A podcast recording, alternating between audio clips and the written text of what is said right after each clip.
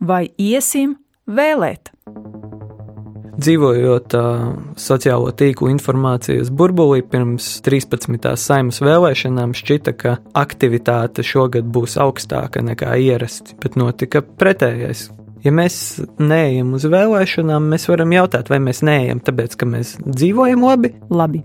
tāpēc, ka mums neinteresē, vai arī tāpēc, ka mēs neusticamies. Visticamāk, patiesība ir kaut kur pa vidu, Tur ārā. un eksperti saka, ka drīzāk tas ir saistīts ar to, ka mēs labi dzīvojam. Labi. Salīdzinot ar citiem laikiem Latvijā, Ir mierīgi laiki, un iespējams tajā laikā, kad ir jāiet uz vēlēšanām, viņš aizbrauc uz savu dārziņu, rakt kartupeļus. Kartupeļus.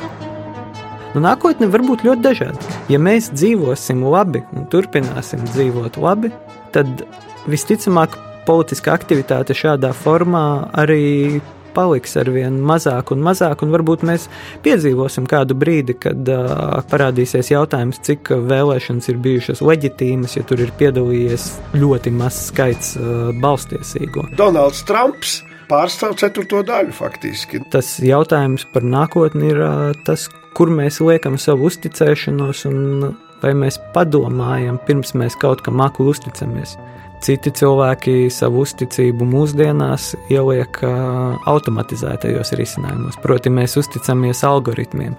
ASV prezidenta vēlēšanu procesā lielu nozīmi spēlēja Facebook. Cilvēki lasīja šīs ziņas, viņi paļāvās uz to, ko Facebook viņiem rādīja. Nav nekāda iemesla, kāpēc mēs nevaram savā ikdienā sintēzēt uzticēšanos homeopātijai, svētbildītēm, robotiem, nejaušo skaitļu ģeneratoriem vai jebkam citam, ja vien tas mums netraucē pieņemt vislabākos lēmumus mūsu ikdienai un arī mūsu nākotnē.